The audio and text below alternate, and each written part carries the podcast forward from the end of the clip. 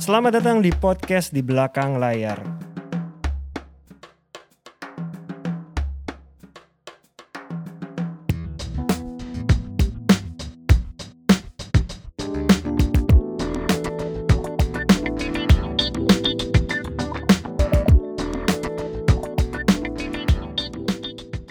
Halo teman-teman pendengar podcast di belakang layar.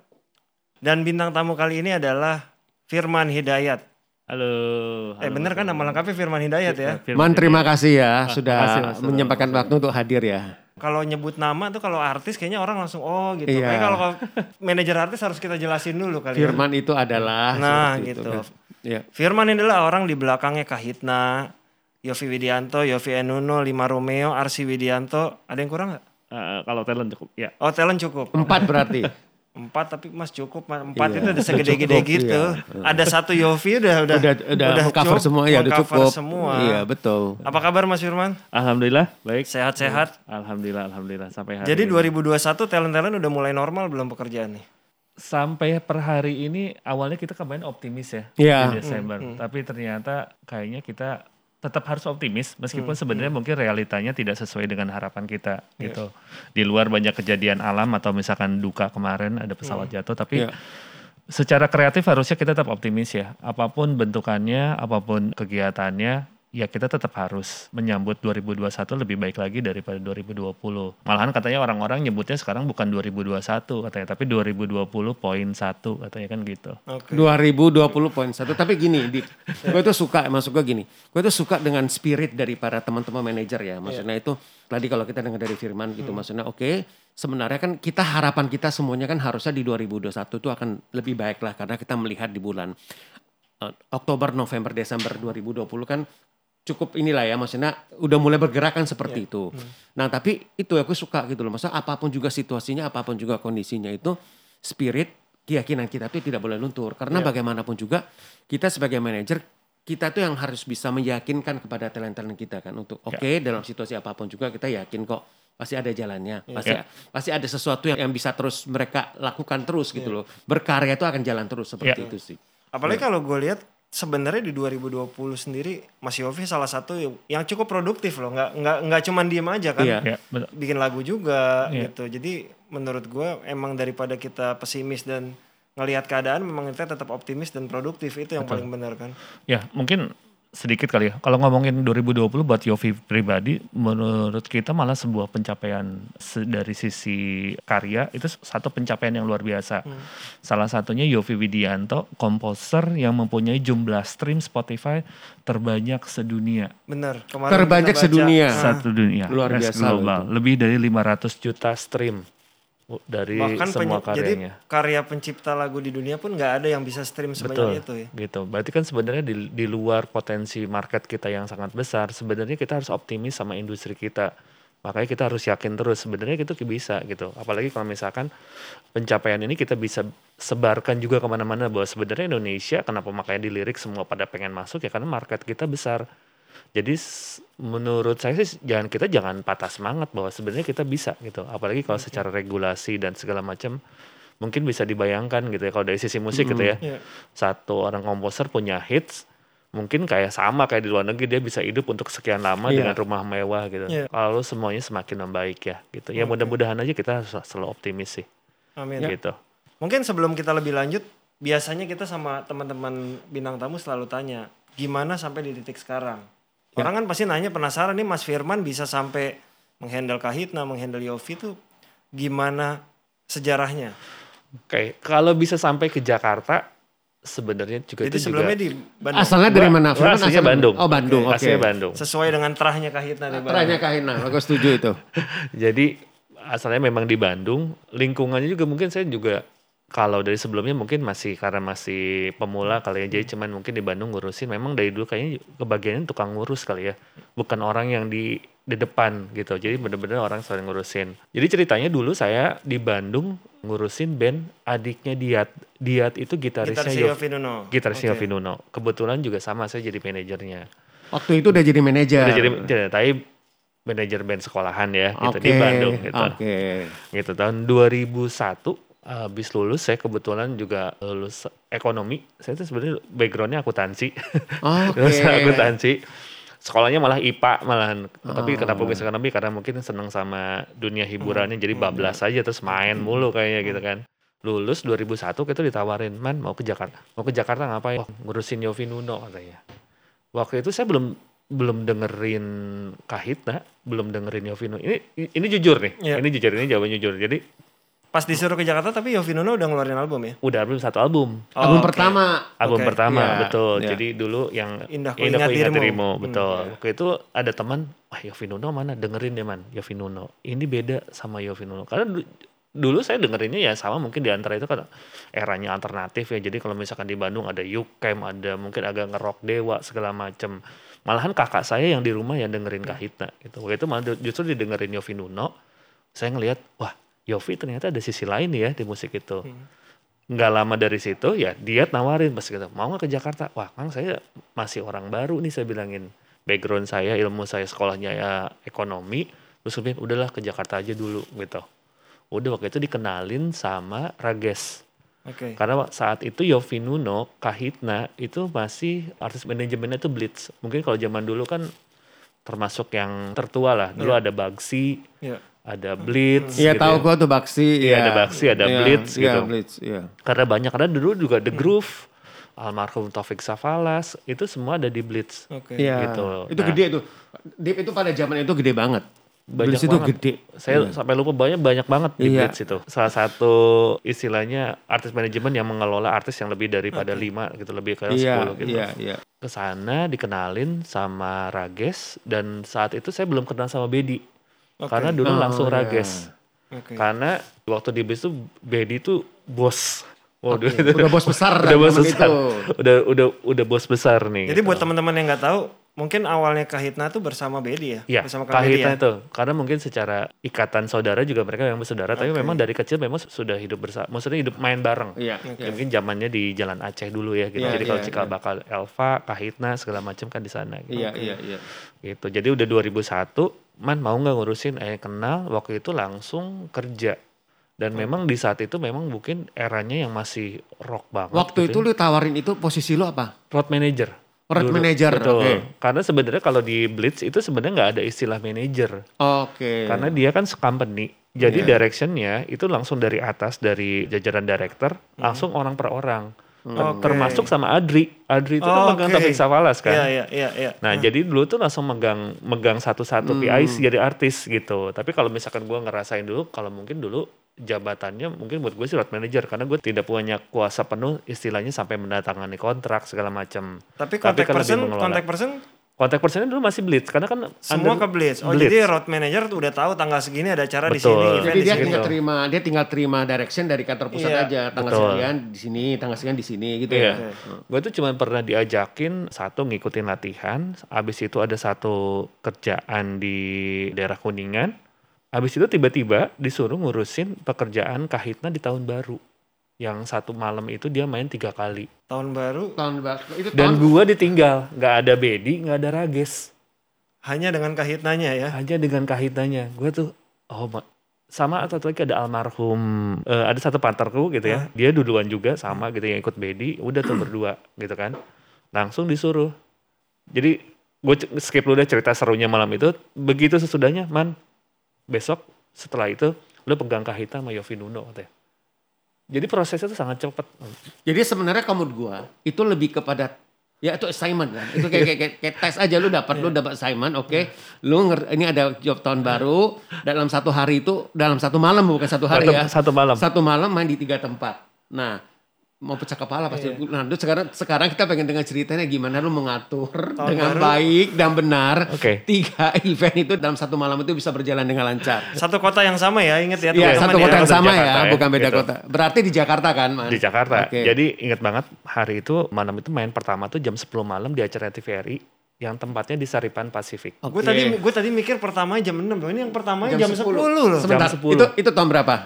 2000 2001 ke 2022 I- Jakarta udah macet di udah macet udah, udah rame. macet, udah rame. Dan gue termasuk yang katakanlah nggak sering-sering juga ke Jakarta. Nah. Jadi itu persiapannya di kantor kita tuh bikin simulasi.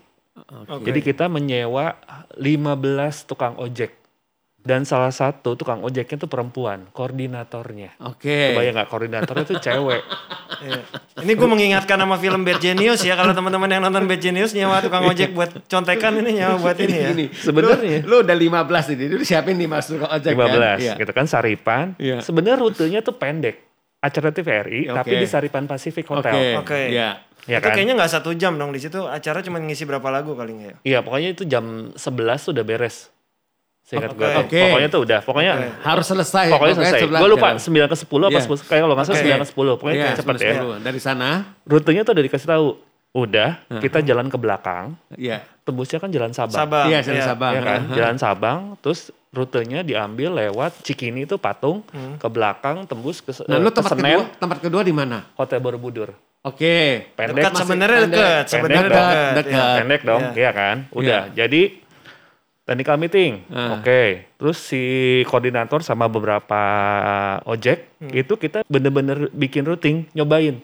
Oke. Nyobain itu Hamin berapa ya? Hamin tiga tuh nyobain. Oke, kita ke sini ya. Oh, udah Oke, canggih loh zaman itu bla, mereka routing. udah Oke. simulasi. Gitu, udah. Oke, Nah. sepakat ya kalau ada apa-apa, pokoknya kita sebarang nggak boleh pecah. Oke. Oke. Oke, ketemulah hari H kan, oh tenang gitu kan, gue ngerasa oh, Lancar ini udah- semua, lancar. udah kan, set main turun nih, Iya. tek gitu kan. Kita nggak pernah tahu ya, gue juga nggak pernah tahu karena gue nggak tahu tahu kalau itu bundaran HI yang rame Iya, segala macam. iya. Gue nggak tahu ternyata di Tugu Tani itu crossing arusnya gede banget kan. Oke. 31 Desember loh, 31, ingat iya. loh. ada yang ini. dari sini, ada itu Tugu Tani kan macet. Akhirnya bu, ini dong pecah-pecah dong. pecah bo asli dan Nah. kejadiannya apa Hedi Yunus entah ke mana jadi gua udah nyampe jadi kata kan barang nggak udah tahan sebelah Iya. sini ada yang mau ya namanya naluri tukang ojek dan Iya. segala macam ya ada Cari. yang ada yang ke trotoar lah ada yang ke mana kan wah gua udah nggak kelihatan tuh kan Hmm. nggak kepegang oke jadi cuman gue nerima di sana tuh cuma udah langsung oke datang satu Oh, iya, iya. yang terakhir Hedi Yunus nggak ada. Gue tahu Kang Hedi. Kang Hedi tuh nggak tahu jalanan lagi dulu kan. Gue tahu banget. ya. Akhirnya, akhirnya kita tuh main yang kedua tuh masih musro tuh masih gila-gilanya kan Iya. katanya. Oh, perform di Musro. di Oh, Musra- pasti sangat. Ini kayak udah senyum-senyumnya gue gue rasa tuh kenal banget dengan senyumnya di balik maskernya tuh. Musro tuh tahu kayak gimana kan di era itu kebayang 2002 loh. Hedi Yunus juga kayaknya sering gitu. Maaf Kang. ya maksud, Iya. udah wah gak ada kan. Akhirnya kita telat main yang di karena harusnya tuh countdown. Nah, Jadi oh, di situ yang countdown. Harusnya justru. tuh kita tuh naik tuh setengah 12 menuju countdown. akhirnya yang ke, sesudahnya kita main lagi di bawah tuh ada restonya kan Iya. di bawah tuh Iya, di, iya. bawah, Oke. di Musra sama di atas jadi Iya. main tiga kali itu di situ Iya, sebenarnya iya. yang terakhir itu satu tempat Iya. Oke. akhirnya tuh kita baru naik tuh 12 kurang jadi sempat rame dan di situ kan mulai tuh Nggak nunggu, itu nggak kan, kan, bermaksud nunggu nunggu. Hedi, kan nunggu Hedi nih. ya akhirnya ya jadi sambil nunggu mereka naik untuk Hedi datang Oke. untungnya gitu tapi kan gue di situ mulai merasakan gimana rasanya panitia ngejar-ngejar Oh iya, kebayang sih. Iya. Dan gue merasakan ketika katanya dulu beberapa teman gue yang di manajemen rasanya sakit perut stres gara-gara Iya. diteleponin sama panitia tuh kan sama penyelenggara tuh kayak gimana kan. Iya, iya. Gue panitia orang lawas banget ya.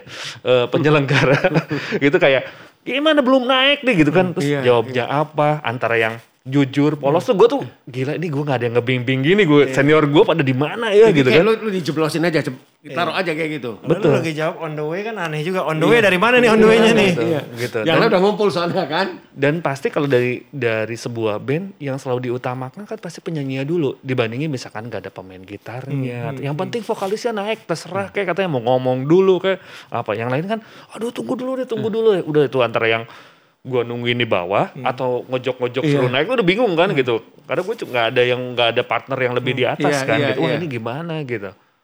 Alhamdulillah sih akhirnya Hedi itu datang masih sempat main sebelum countdown. Oh udah tenang. Habis Iya. itu Pindah. main ke bawah.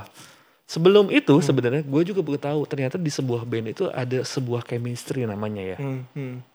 Misalkan chemistry itu adalah salah satunya yang gue dapetin adalah partner tidur sekamar. Iya. Oke. Iya. Oke. Gue belum kenal Yofi Widianto waktu itu kayak gimana. Mas Yofi maaf tapi ini cerita saya yang sejujurnya. Gue dijailin sama Yofi.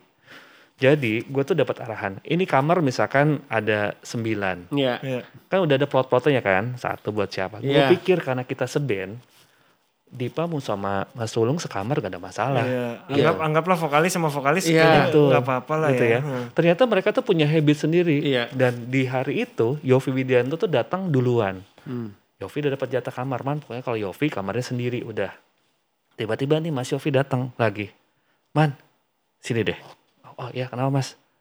Gini, sebenarnya saya itu kalau dapat jatah kamar tuh dua Hmm. gitu. Kenapa? Iya, karena biasanya satu waktu itu dia bilangnya kan dulu bawa keluarga nggak ya? Satu lagi tuh buat biasanya buat transit kalau ngapain briefing segala macam. Pokoknya Iya, dia, dia ada alasan deh. Gue lupa alasannya apa itu. Anak baru dong. Yang ngomong langsung Yofi Widianto. Mm-mm. Yang punya band. Masa gue nggak percaya? Iya. gue dengan santainya aja kan. Set, gue kasih tuh kunci. Oke mas gitu. Jadi begitu sisanya setiap gue datang tuh gue tuh misalkan datang Mario duluan atau siapa, gue kasih aja gitu. Ah, nanti Mario sama ini. Oh ya udah saya dulu aja nanti kalau dia ikut. Gue pikir sesantai itu. Makin malam ada yang nggak kebagian. Kuncinya udah kehabisan ya udah bagi-bagi ya. Dan tahun baru kan nyari kamar susah. Susah. Heeh. Terus tiba-tiba telepon lah Rages sama Bedi. Man itu eh, komplain katanya. Hah komplain? Kamar gimana dibagi-bagi ya? "Eh, udah saya bagi semua kebagian. Nggak bisa katanya. Soalnya ada begini-begini ya itu eh, Iya, iya. dapur ini ya. Iya. Pokoknya ada gini-gini. Oh gitu ya? Enggak soalnya paling pertama tuh Yofi minta kamarnya dua. Lu dikerjain sama Yofi. Jadi gimana tuh gue tuh gue rasa bersalah segala macam kamar susah Iya, karena iya, ya biasa kan itu berhubungan sama Iya, mood ya. Udah habis Iya, megang iya. tiga event Udah lagi. ambil- wah itu udah wah itu di hari itu bener-bener ujiannya tuh udah. Dan gua akhirnya setelah itu akhirnya dapat ya satu tahun pertama ikut manajemen maksudnya ikut di yang namanya tes manajemen. Hmm. gue sih stres sih gue ngerasa. Karena ternyata menurut gua ujungnya itu ini kan masalah trust ya services gitu. Hmm, hmm. jadi gue sempat di mana di masa ketika gua ngangkat ada telepon bunyi itu gue tuh suka kaget. Karena semua bisa menelpon kapan aja Iya. dan Yofi Widianto salah satunya yang selalu menelpon gue bisa jam 6 atau setengah 7 pagi. Padahal malamnya tuh kita mungkin sampai di era itu ya, jam 1, jam 2 tuh kita masih main bareng nggak? Dan dia Jadi udah kita bangun baru tidur segitu ya. subuh gitu ya, dia jam 6 dan nelfon. Wah, Mas, kerjaannya ini ini nih. Oh, oke Mas. Padahal tuh kita baru, Mas ini dia baru tidur dan gue gak pernah cerita sih soal ini. Tapi gue stres selama setahun pertama tuh gue stres. Itu suka dukanya ya mungkin karena seneng dan mengalami dan oh itu ya. Dari situ gue akhirnya ngobrol nih sama Ragis sama Bedi karena gue punya dua guru yang berbeda karakternya menurut gue. Hmm, Bedi itu yang sangat taktis di lapangan. Jadi mengajarkan gua untuk man kuncinya sebenarnya adalah inisiatif. Lu harus berpikir dua, tiga step atau 10 step Di depan teller. di depan dan segala macam. Karena apa? Lu yang megang tanggung jawab. Lu adalah cerminan dari mereka dan lu adalah katakanlah garda terdepan. Jadi ketika misalkan dari dalam apa pun dari luar, apa pun masalahnya, lu bisa mengantisipasi. Jangan sampai lu ngamanin di internal tapi nggak aman di eksternal. Biasanya dari klien segala macam. Iya. Hmm. Jadi harus mengimbangi. Satu lagi, Rages itu yang sangat rapi dalam dalam dia lebih teori lah, Administratif, pembukuan, administratif iya. segala macam tuh Rages tuh sangat rapi. Jadi gue tuh dapat dua dua guru itu di, Hmm. gitu. Jadi yang kalau Bedi tuh taktis enggak man, gini, oh ya oke gitu. Dan Bedi tuh bilang man katanya, karena gue sempet depresi kan gitu man, Hmm. Mas Bedi, oh kayaknya saya nggak cocok nih. Dia tuh cuma bilang gini, man, manajer tuh nggak ada yang jago katanya. Lu nggak perlu pinter, tapi lu cukup tahu, cukup tahu gimana. Ya apa pun cukup tahu, lu nggak perlu mendalami bahwa lu harus punya tanggung jawab. Gini satu katanya, ini maaf nih teman artis atau apa katanya. Maaf ya ini ini ini istilah aja. Kalau gue sebagai manajer mungkin nggak tahu ini benar nggak. Artis itu akan nurut sama manajernya kalau jobnya lancar. Dalam artian kita akan selalu jadi tim yang baik. Dalam artian pokoknya segala sesuatu kayaknya lancar deh man. Ini obrolan belakang. Iya, Namanya iya, kita iya, belakang iya. layar kan Iya, iya. Kita tuh pasti akan selaras. Tapi lu akan diuji ketika job lu nggak lancar katanya. Lu akan dicariin, lu akan segala macam gitu. Di luar hal-hal yang sifatnya tadi yang hubungannya trust ya, misalkan masalah uang segala macam ya gitu. Tapi kata-kata Bedi, selama jobnya lancar, lu tenang man, katanya gitu. Oh oke. Terus dia bilang lagi, satu di musik. Bagaimanapun kehebatan kita tergantung lagi ke produknya. Kalau produknya itu memang tidak bisa dijual, lu sejago-jago, sepinter-pinternya, sehebat-hebatnya, lu gak akan pernah bisa menjual produk itu. Dia bilang gitu. Jadi lu jangan takut. Jadi jangan merasa bersalah kalau lu gagal, itu gagalnya lu. Dia bilang kayak gitu. Oh oke mas gitu. Tapi gue mikir lagi. Gak perlu hebat, gak perlu tahu. Tapi gue harus suruh baca legal. Hmm. Gue harus Baca bikin laporan keuangan. gue harus ini gue antara jebak dalam itu tuh gitu kan, Iya, gitu iya, kan. iya. menyemangati tapi, tapi kok semuanya harus bisa ya, harus Iya. tahu. Lu baca, baca kontrak, kontrak, harus tahu, iya. laporan keuangan Iya, tahu, gitu kan segala macam kan. Teknis di lapangan pun lu harus tahu. Betul gitu belum masalah. Jadi mas di eranya itu tuh akhirnya gue cuman dulu achieve-nya ya sesimpel. Ini ini gue share juga ke teman-teman. Gue akhirnya kelebihan yang gue lakukan adalah akhirnya networking. Hmm. Jadi di internalnya adalah relationship dalam artian karena kebetulan semua produk gue adalah biasanya dari sisi umur senior. Jadi gue merasa gimana mereka supaya bisa trust sama gue gitu Iya.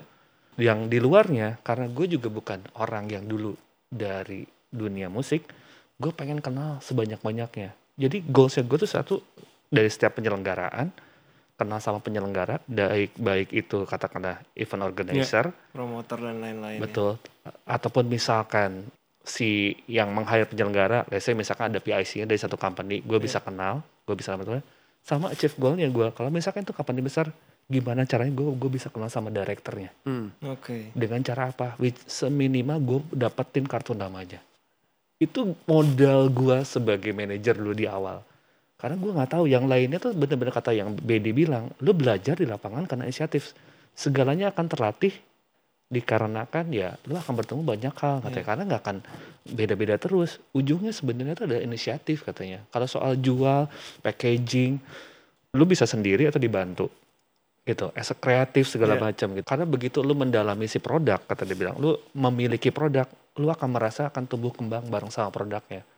Apa yang dirasain sama talent ya lu rasain juga manajer. Akhirnya kita tahu tuh sama-sama katanya. Di luar yang tadi itu katanya. Si rewel nggak rewel kalau jobnya lancar nggak rewel katanya. Iya.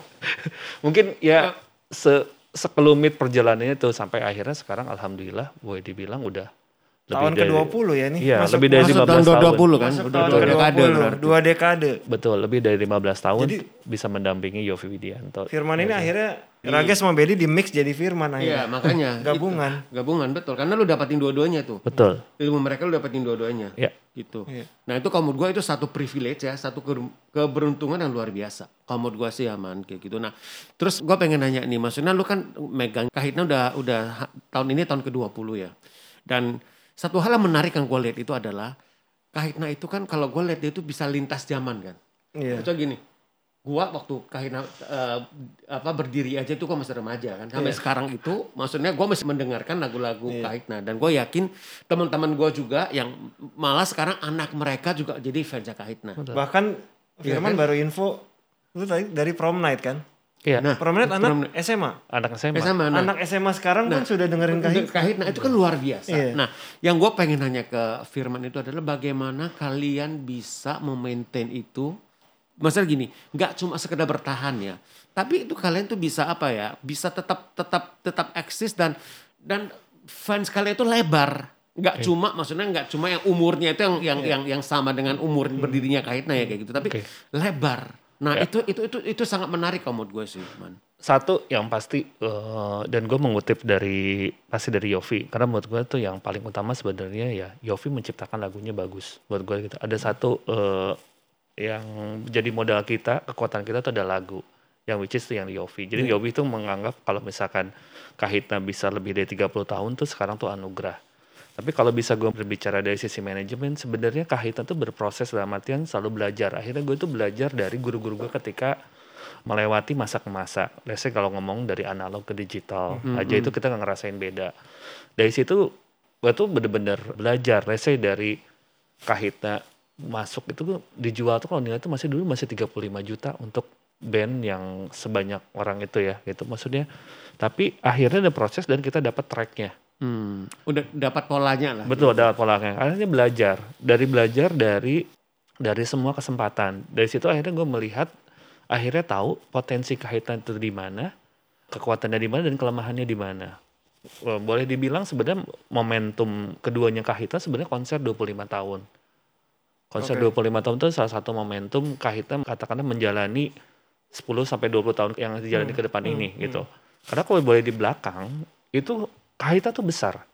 Besar tuh dalam artian tuh secara range marketnya sebenarnya tuh dia tuh besar tapi kalau di brand itu selalu merasa tidak menggigit di satu segmen tertentu Hmm. karena range-nya terlalu besar jadi family kan Iya, iya, iya. fight sampai menuju 25 tahun aja itu se- sebuah pencapaian menurut gua tapi itu kita belajar karena kita ngeliat gini kenapa sih main di hard rock aja kita selalu penuh Hmm. Iya. main di Barbados main di mana tuh selalu penuh Hmm. dengan istilahnya FNB-nya tuh selalu record tiap malam maksudnya spend power spend-nya si fansnya Kahita tuh Gede banget. gede banget. Nah sebenarnya di situ tuh eh, Mas Sulung akhirnya kita akhirnya melihat apa sih yang katakanlah yang perlu kita benahi Iya. pada sampai titik bahwa kita bisa membuat satu pertunjukan besar atau konser besar. Nah aku akhirnya juga sama tuh mengedukasi melihat memilah antara yang benar-benar punya power spend atau nggak kelihatan atau nggak misalkan fans yang di sana gitu yang real eh, mendengarkan musik gitu ya dalam artian yang punya tapi nggak punya kesempatan karena kan boleh dibilang mungkin nggak tahu Mas Sulung zaman eh, hard rock di Sarina Bisa kali ya. bantuin. Ya, Black Sarina. Monday kan? Iya. Iya. Kan tidak Anak yang merah kan. tidak Iya. pernah bener-bener orang yang yang nggak tahu tuh pasti segen kan masuk itu bener nggak sih Mas? Oh iya. Kalian tuh kayaknya keram, Lu- tempat keramat Iya, gitu ya, dan lu- Iya, iya. Lu- bla bla bla. Lu terintimidasi untuk masuk ke sana. Iya. Jadi gini, lu mau masuk ke sana itu lu harus siap, at least lu harus bawa berapa ratus ribu. Iya. Ya kan? Karena lu sekali makannya aja udah berapa. Belum Betul. lagi minum kan seperti Betul, itu. Iya, betul, betul. gitu. Iya. Jadi akhirnya tuh aku kita salah satu yang aku lakuin adalah ketika aku eh, melihat apa sih gitu ya dengan tadi tuh teman-teman artis yang kahita yang banyak gitu ya yang katakanlah yang selalu booking tempat sama yang benar-benar datang dan menikmati akhirnya kelihatan tapi akhirnya itu mulai di mulai di dididik tanda kutip gitu dalam berarti ada kan dulu kan kalau misalkan misalnya tuh kalau udah orang yang kenal pakai free pass pakai segala macam Iya, iya, iya, iya. betul kan gitu Guest list, guest list. guest list. Kahitna tuh guest listnya boleh dibilang tuh paling luar biasa. Kebayang nggak kalau lima satu personil lima aja udah 45. lima. Belum manajemen. Semua tempat tuh pasti, ah guest list Kahitna nggak? Enggak, tapi kita selalu ngejamin waktu itu. Ini yang spendnya yang gede-gede gue bilangin. Lu pasti happy kalau lu ngasih Oke, meja sama oke, mereka gitu. Dan itu memang alhamdulillah terbukti gitu ya. Pada sampai satu titik ketika akhirnya ada ujung, wah kita harus bikin konser nih. Nah itu dimulai tuh. Dari mulai entry doang, tiket masuk doang, sampai yang ke FDC. Iya. Oke. Iya, iya, iya, iya. Iya. Jadi gue mau bikin pola. Dalam artian supaya mereka ready kalau misalkan nanti di satu saat gue bener-bener menjual tiket Hmm. dengan dengan ini gue tahu daya kemampuan mereka dan alhamdulillah ketika akhirnya ketemu juga partner yang gila di Nuhamid dari Berlian, Berlian. Iya, Entertainment, berlian, betul. iya. Nah, ya, man gimana ya? Udahlah, pokoknya nanti kita kalau misalkan idenya kayak gimana, yang penting mindahin hard rock ke JCC. Sesimpel itu dulu. Kebetulan dia waktu itu baru bikin Janet Jackson. Hmm. Iya, Minimal iya. gue punya market katanya. Karena sebenarnya di sisi lain, saya juga udah pernah nyobain bikin konser sama Mas Okta Merah Putih Iya, waktu tahu, ya. Magical Journey. Oke. Tapi dulu Iya. Kahita tuh memang betul belum tidak dipercaya sama brand. Iya. Belum tahu kalau misalkan kekuatan Kahita tuh sebegitu besarnya besar, ya. akhirnya bikin pre-sale di malam itu dengan tadi ada beberapa tahap yang sebenarnya Hmm. kita lakukan. Alhamdulillah 1.500 tiket terjual Dalam, Dalam satu satu malam, malam, dalam satu malam. dalam waktu 6 jam. Jadi konser 25 tahun pertama itu sebenarnya tuh sudah dibiayai sama tiket penonton. Sebenarnya penonton yang sudah membiayai. Jadi 50 let's say dari 4.000 kapasitas boleh dibilang hampir 50% sudah ter, terjual. Iya. sudah terjual. Ya karena Kahitna yang gue tahu selama konser itu konser yang belum pernah nggak sold out. Gue bahkan kehabisan Iya. pernah ngubungin lu untuk beli tiket dan akhirnya masih ada sisa terakhir Gitu. gitu. Karena dari situ akhirnya polanya terbentuk. Jadi akhirnya kita tahu bahwa apa pun yang kita buat ataupun misalkan satu pencapaian itu kayaknya perlu di perlu dijaga experience-nya. Iya. Memang boleh kita main berkali-kali di mana pun, apalagi kalau misalkan ada artis yang lagi naik daun gitu. Tapi kalau misalkan menuju sesuatu dengan gampangnya penonton kita mendapatkan akses dari mana, either itu misalkan dulu zamannya RBT, Ya. pagi-pagi kita sudah ketemu sama program TV gitu kan. Belum siangnya musik waktu itu kan lagi gila-gilanya. Tapi di situ menurut aku akhirnya ah ngapain mungkin gua nonton malam-malam besok pagi aja kalau nggak sempet mungkin dia ada nongol di TV gitu Iya. kan. Nah it- akhirnya kita pelajarin polanya. Akhirnya selalu dijaga. Jadi setiap misalkan waktu sampai mau bikin konser 25 tahun, Kahita tuh tiga bulan. Tanda kutip bahasanya itu bukan puasa. Jadi nggak main di Jabodetabek dan Bandung. Event eh, acara brand nggak juga? Ya Kalau- pokok- yang pasti yang umum kita nggak terima. Oh, Tapi kalau yang kalau lebih private internal segala nggak macam apa-apa. betul. ya, Luar kota kalau lu ambil. Betul. Jadi kalau yang IO berbayar berarti enggak ya? Pokoknya enggak. Iya. Pokoknya semua yang katakanlah kita langsung berbayar dan orang itu eh, harus mengeluarkan dan kita TV juga masih diambil. TV waktu itu juga enggak. Oke. Karena Gitu. ke TV kapasitasnya jadi umum, jadi orang Iya, lihat ya betul. visibilitasnya ya. gitu. Hmm. Dari situ mulai dan ketika akhirnya bebannya makin ketinggi ke 30 tahun, malah yang 30 tahun kita puasanya 6 bulan. Oke. Karena menurut kita dari mulai tiket dan segala macam kita harus bertanggung jawab sama penonton kita gitu. Mereka mau membayar sebegitu mahal, berarti kita juga harus memberikan yang paling terbaik buat mereka. Oke. Itu gak gampang loh. Masalah gini, eh, sebenarnya itu kan bagian dari strategi ya. Strategi, maksudnya ini kan strategi bagaimana konser 30 tahun kita bisa sold out. Tapi maksudnya ini, gua nggak bilang itu pengorbanan. Tapi itu adalah satu konsekuensi. Betul. Iya kan? Dan gak gampang, maksudnya gak gampang itu untuk kalian tuh berani mengambil konsekuensi itu enam bulan. Iya kan? Itu tidak gampang loh. Iya. Itu itu itu butuh satu apa ya? Satu keyakinan dan satu keberanian. Ya, jadi akhirnya itu yang boleh dibilang akhirnya ketika misalkan tadi kita sudah selaras antara manajemen dan artis, Dan artis ya. akhirnya kita eh, akhirnya kita mau katakanlah dalam tanda kutip ya bahasanya puasa, tapi sebenarnya Iya. kan sebenarnya kita memposisikan supaya momentumnya itu Iya. menjadi besar, kita Iya. pecah gitu. Ya tapi Dan eksklusivitasnya itu jadi berasa Betul. gitu loh Betul. maksudnya. Karena kalau udah ngomongin puasa di beberapa manajer Iya. artis pasti mikirnya puasa kan berarti puasa penghasilan. Penghasilan. Nah, itu kan jadi apakah ketika gue tidak mengambil job gue masih tetap bisa Iya. hidup dan lain-lain itu strategi juga Iya, kan. dan Ya. bisa karena apa? Mereka tetap ngambil job luar kota. Betul. Dan Nah, itu. makanya mungkin kalau kata Yofi mungkin gini, akhirnya menurut saya si band itu kalau misalkan tingkat ketulusannya atau misalkan mungkin si frekuensi bandnya sudah sama-sama enjoy, Iya. mungkin mereka semua hidup dari musik memang benar. Iya. Tapi ketika musik itu memang sudah jadi bagiannya, sudah tidak lagi ada ego, Iya. mungkin akhirnya mungkin juga, let's say saya melihat ya tadi kata Yofi Anugrah, mungkin semuanya dimudahkan. Kata benar kata Mas Ulung, begitu misalkan dengan resiko enam bulan. Karena Iya. saya berdebat sama sama Dino, Din kemahalan nih Iya. gitu. Karena itu kita menyokong, karena itu Kahita tuh didukung sama berapa artis yang main di luar dengan Iya. satu tiket gitu. Jadi kalau misalkan ngomongin matematika tuh tiket ini sebenarnya harus menutup kos produksi yang semua kan gitu. Mau nggak mau kan bebannya menjadi berat kan Iya, gitu. Ini Love Festival ya waktu itu ya? Iya lah festival Oke. betul. Akhirnya itu wah gimana ya? Ya udah man berani nggak lebih lama katanya untuk momentum ini. Gue nimbang-nimbang katanya berdasarkan pertimbangan itu dalam artian dan kita juga prepare dari tahun sebelumnya karena jeda, karena jeda 25 katanya 5 tahun kan. Iya. Akhirnya ya udah kita kunci sepakat gitu. Memang ya saya fair aja sih Mas Solong. Di dalam juga ada ada perdebatan Pasti, gitu, perdebatan karena Pasti nggak akan solid keputusan betul, awalnya pasti gitu. awalnya nggak akan solid pasti. Tapi kita selalu bilang bahwa ini tuh investasi. Begitu Iya. misalkan kita sepakat dengan bahwa ini Iya. investasi buat ke panjangnya juga Iya. umur si grup ini, ya akhirnya mau dimudahkan dan ternyata juga selama enam bulan itu bukan juga berarti kita benar-benar tidak ada main ya. iya. Hmm. Ternyata baik kam- korporat ataupun misalkan pekerjaan di luar kota juga tetap ada. Jalan, makanya. tetap Itu. jalan. Akhirnya kita memikir ya udah yang penting kita menjaga kualitas, Iya. tidak mencari kuantitas. Tapi itu kembali lagi sebenarnya menjadi pilihan buat Iya. banyak orang. Jadi menurut saya sih pelajarannya tidak. Jadi kalau misalkan sharing nih, Hmm.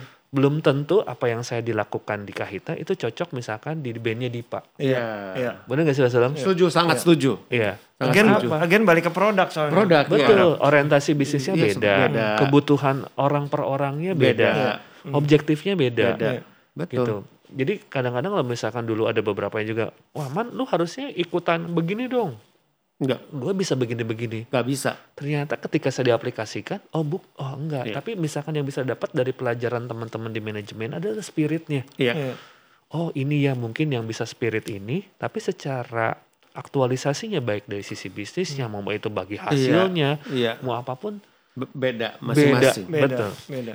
gitu. Jadi kisah suksesnya karena kita produknya manusia, ya ini itu juga membedakan kita oke. untuk mengelola mereka masing-masing gitu. Kahitna tuh kan udah jalan 30 berapa? Dari 86 Sekarang kan? 35, iya, sekarang udah 35 tahun. 35 tahun. Bergantung dengan satu talent tuh pasti nggak gampang kan. Tiba-tiba ada Yofi Nuno, ada Lima Romeo dan sekarang ada Arsi, Arsi. gitu. Iya.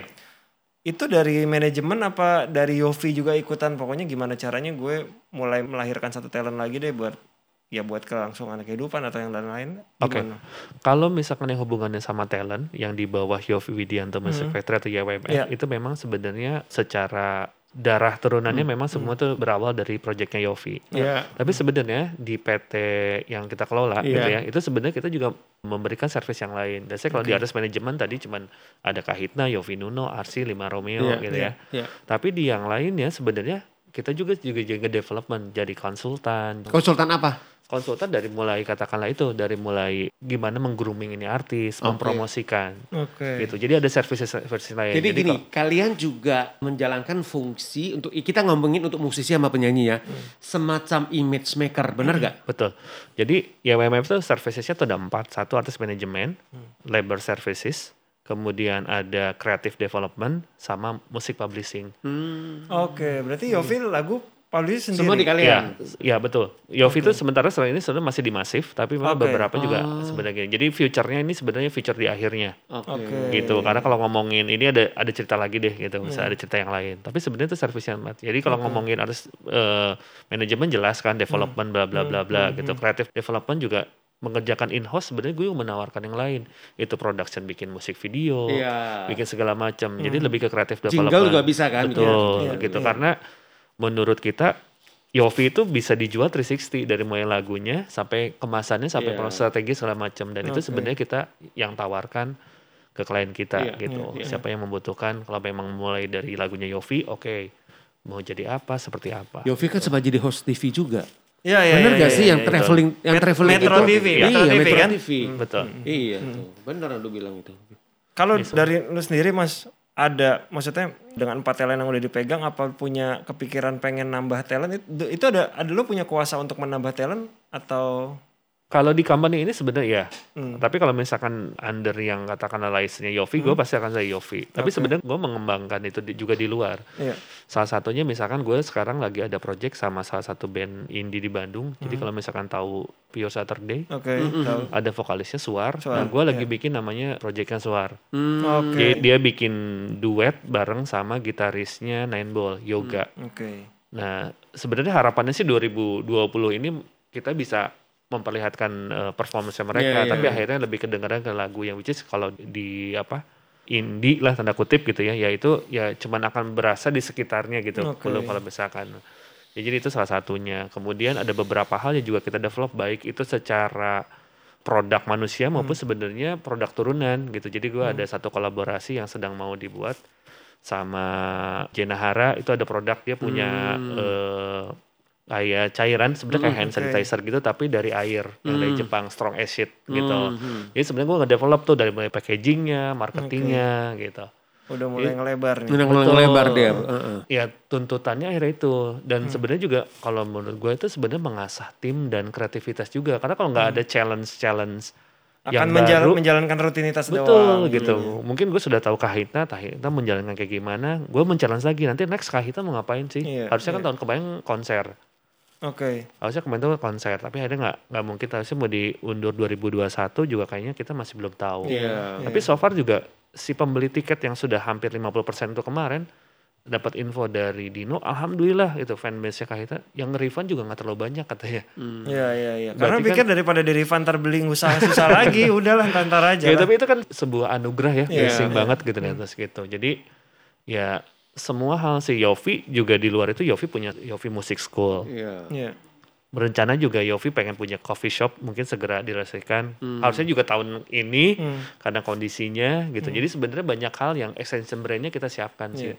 Di luar sebenarnya yang paling utama tuh IP-nya itu sendiri. Karena paling mahal kan sebenarnya IP-nya IP-nya. lagu- lagunya IP-nya Yo- Yofi nih. lagunya Yofi gitu. Jadi Yofi juga sedang ada plan untuk membuat film, Ya. terus ada web series gitu. Jadi ya mudah-mudahan semua bisa terlaksana. Menarik sih. Plannya banyak banget Iya, nih udah. sangat menarik. Mm. Emang nextnya kayaknya harus Yofi bikin komunitas atau kumpulan pencipta lagu harusnya sangat mungkin ya biar Yofi punya penerus gitu loh. Ya mungkin harapannya mungkin nanti ke sana kali ya. Ada, Hmm. gue sih dalam artian gini, kalau ngumpulin karena kalau dari sisi penciptaan tuh dari Yofi, tapi karena Yofi mungkin masih sekarang masih sangat produktif gitu, ya. mungkin Iya, dia iya, aja iya, gitu. iya, iya. Tahun ini aja dia bukan berhutang sih banyak targetnya, dia harus ngeluarin Kahitna, album juga, Hmm. Yofi Nuno juga harusnya keluar album. Mungkin gue kasih bocoran dikit, ada perubahan, ada bakal ada personil baru. Oke, Karena sudah, itu gue sudah dapat dapat bocoran. Oke, Yofi Nuno kan?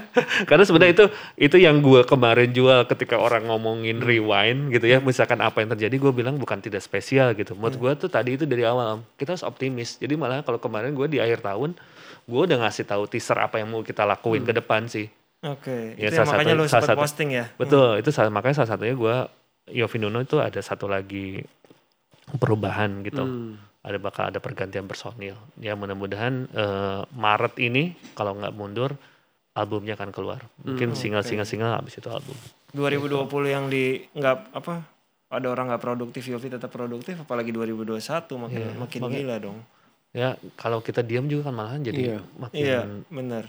ya makin mengerucut kreatifnya juga makin terkukung karena nggak bisa ini nggak bisa ini. Tapi gue gua nyoba segala hal sih. Termasuk tahun ini gue sebenarnya berkolaborasi sama Mika sama Randy Pandugo. Iya, Hmm, gue lihat iya, yang postingan lo itu. iya. Betul, itu juga salah satu sebenarnya apa aktualisasi secara kreatif dari diri maksudnya gitu ya. Iya. Gue mewakili tim YWMF segala macem. Gue ikut juga pengen tahu gitu. Eh, karena gue dikasih kesempatan sama Inu, man, gue mau bikin label katanya. Ini dua artis gue ada Mika sama Randy. Iya. Apa yang bisa dilakuin? Alhamdulillah akhirnya gue Randy bisa jual ke brand. Mika juga akhirnya gue bisa bikinin virtual konser kemarin yang itu. kemarin ya. Hmm. Ya alhamdulillah jadinya kan sebenarnya itu juga jadi kayak stimulus kreatif buat gue Iya. kan, oh, Iya. gue bisa gitu kan, dan gue juga bisa. Jadi lu kasih- bisa memudahkan diri bertemu dengan mereka yang lebih muda. betul karena kalau ngomongin gini, kalau mungkin kreatif gue ketinggalan sama anak sekarang kali ya. Iya. Gue nggak main sosial media, tapi minimal beberapa hal yang misalkan yang kadang-kadang secara strategi mereka belum Iya. gitu ya, gitu. Mungkin kita bisa kasih tahu ke mereka ini bisa begini loh sebenarnya. Kadang dengan berkolaborasi sama mereka jadi saling lengkapin. Soalnya. Betul. Marketnya kan juga makin lebar ya, Iya. Iya. gitu. Karena mau nggak mau sekarang musik yang WD bilang sebagai kategori back catalog, kalau menurut gue kuncinya untuk meregenerasi pendengar yang sebenarnya juga dilakukan Kahitna, yaitu harus berkolaborasi. Iya. Dan gue beruntung punya Yofi yang setiap tahun dia bisa berkolaborasi dengan banyak penyanyi Iya. muda Iya. dengan Tiara Andini sebelumnya ada Bersia Jodi Iya, segala iya, macam gitu. Jadi itu akhirnya juga sangat membantu buat turunan produknya baik Iya. itu Kahitna buat Yofi Nuno. Oke. Karena kita bisa meregenerasi dengan karena kalau misalkan kita bersaing dari sisi kemasan ya misalkan harus sosial media Hmm. yang bagus, konsistensi konten di YouTube Nggak Itu- gitu sih. itu Iya. tuh kayaknya bukan bukan jati dirinya mereka Iya, gitu. iya, iya. Akhirnya pun kalau dipaksakan juga mereka juga Iya. gak gawahan ya gitu maksudnya gua kayaknya enggak deh gitu kan tidak semua orang bisa menurut gue sih Jadi gitu. menarik sih Didi dari apa yang Firman sampaikan itu memang gimana pun juga itu kita harus bisa benar-benar harus melihat satu kita melihat mempelajari dan kita mengaplikasikannya itu yang paling pas buat talent kita. Iya. Ini kita bicara untuk kita bertiga ya, apa yang lagi happening sekarang belum tentu itu kalau kita terapin Cocok ke talent kita itu akan kita. cocok. Karena apa sekali lagi tadi yang lu bilang kata kuncinya itu adalah apa? Jati diri. Kalau itu bukan jati diri daripada talent kita, itu nggak akan kejadian, di. Kalau menurut gua ya, kayak gitu. ya Satu hal tadi juga yang kita bisa dengar adalah ketika lu pegang talent lu harus tahu produk lu juga. Iya, iya, Lo harus betul, kena, betul. Iya, karena kan kalau bilang kalau sekarang kita ngomongin di mana? Di perkumpulan manajer Iya. gitu kan. Manajer tuh udah kayak istri kayak teman kayak asisten kayak Iya. bla bla bla. Dan memang memang benar sih. Iya, setuju. gitu bukan berarti dalam konteks negatif ya ketika misalkan oh lu jadi asisten enggak lo gitu karena apa karena kita berpartner ujung-ujungnya lagi produk kita manusia Jadi sebenarnya gini dalam Gitu. hidupnya si artis itu, dalam hidupnya talent itu dia punya dua keluarga. Satu keluarga inti dia sama istrinya atau sama suaminya plus anak-anaknya. Ya satu lagi keluarga sama manajernya Iya, atau sama manajemennya. Itu nggak bisa dipisahkan. Itu udah harus jadi satu kalau menurut gue sih. Makanya ketika kita sudah berpikir untuk kerjasama dengan salah satu talent, berarti kita sudah siap membuka Iya. menjadi anggota keluarga dan Betul. mungkin jadi keluarga baru. Betul, Betul. itu benar. Ya sama kayak di bisnis katanya. Kalau misalkan memang bisnisnya masih belum tahu, ya lu nggak perlu pakai akad katanya. Iya. Karena begitu bisnis yang pakai akad, lu akan terikat. Iya. Oke. Lu akan terikat segalanya, baik dari sisi legalnya, baik dari Iya. sisi pertanggung segala Iya, macam. iya, iya. Tapi dalam konteksnya misalkan, gua nggak tahu ini eh, perumpamaan Iya. aja. Kalau misalkan ada talent mau, ya kalau misalkan lu sifatnya masih hanya bisa membantu menjualkan atau lu menjadi Iya. konsultan sebelum lu mengikat, ya lu di situ aja Iya. nggak perlu terlalu ngoyo wah ini ada yang bagus enggak karena gitu ketika lu bener-bener harus memegang itu artis ya lu harus dalam artian harus nikah sebenarnya lu Iya, harus iya. akad Iya. semua dari itunya mau nggak mau lo seurusin gitu Iya. nggak mungkin eh, misalkan tiba-tiba dia besok sakit karena Iya. apa lu "Ah, nggak mau tahu lu kan Iya. besok kan enggak kan nggak mungkin kayak Iya. gitu atau ibunya yang sakit izin ya terus kita enggak lu udah kontrak katanya gitu Iya. nanti gue yang kena penalti gitu kan Iya. Nggak Bener. bisa gitu jadi sama kayak misal di perumahan bisnis kalau misalkan memang tidak perlu ada akad lu jangan usah akad dulu Iya. lu nggak usah dulu bikin PT bareng kayak nggak usah bikin apa gitu Iya, iya, iya, iya. yang penting lu bisa bekerja sama menghasilkan karya yang baik Gue sangat setuju sih dengan gitu. prinsip seperti itu. Jadi sebelum kita berkomitmen dan menandatangani gitu ya, Hmm. harus ada penjajakan dulu. Itu butuh waktu itu harus gue setuju banget sih. Iya. Gitu. Iya. Ini sangat menarik loh diskusinya. Enak nih dapat bintang tamu. Iya. Mas kita, kita nanyanya dikit dia jawabnya banyak. Iya. Bagus. Jadi kita nggak perlu list pertanyaan gue nggak keluar banyak udah keluar semua jadi udah aman. Iya. Ini gue berarti juga udah bikin list juga kan. gitu. Thank you Mas Firman. Terima kasih Sama-sama, banyak. Sama-sama. Gue malah jadi banyak kebanyakan ngomong. Eh, nggak apa-apa Ya, dong. Itu kita butuh itu Justru perlu itu, banget. itu Tuh. yang kita perluin. Iya. Jadi bintang tamu yang bisa Iya. mendapatkan informasi banyak buat eh, Iya. yang dengar dan yang nonton gitu. Salam sama teman-teman dari Kahitna. Ya, sehat-sehat. Semoga 2021 terus produktif. Ya. Dan semoga kita bisa kerjasama bareng-bareng. suatu- Ya, amin Harus ya. dong, Semoga harus ya. Kita bisa berkolaborasi. Betul. Kan kuncinya kolaborasi tadi dibilang. Pasti. Tadi kita juga udah- sebelum kita mulai, gue juga udah Nah, banyak hal. iya. Jadi kita, kita lanjut ya, Dip. Betul dong, Ya. jadiin. Kita juga mau ngucapin terima kasih buat Gala Event Management yang udah ngasih pinjam studio ini. Kalau teman-teman sekalian yang ingin menyewa studio, ya kan silakan aja berhubungan dengan Gala Event Management. Iya, jadi ntar detailnya ada di description akan gue tulis. Terima Oke, kasih buat terima kasih. mendengar podcast di belakang layar. Kita akan ketemu lagi di episode berikutnya.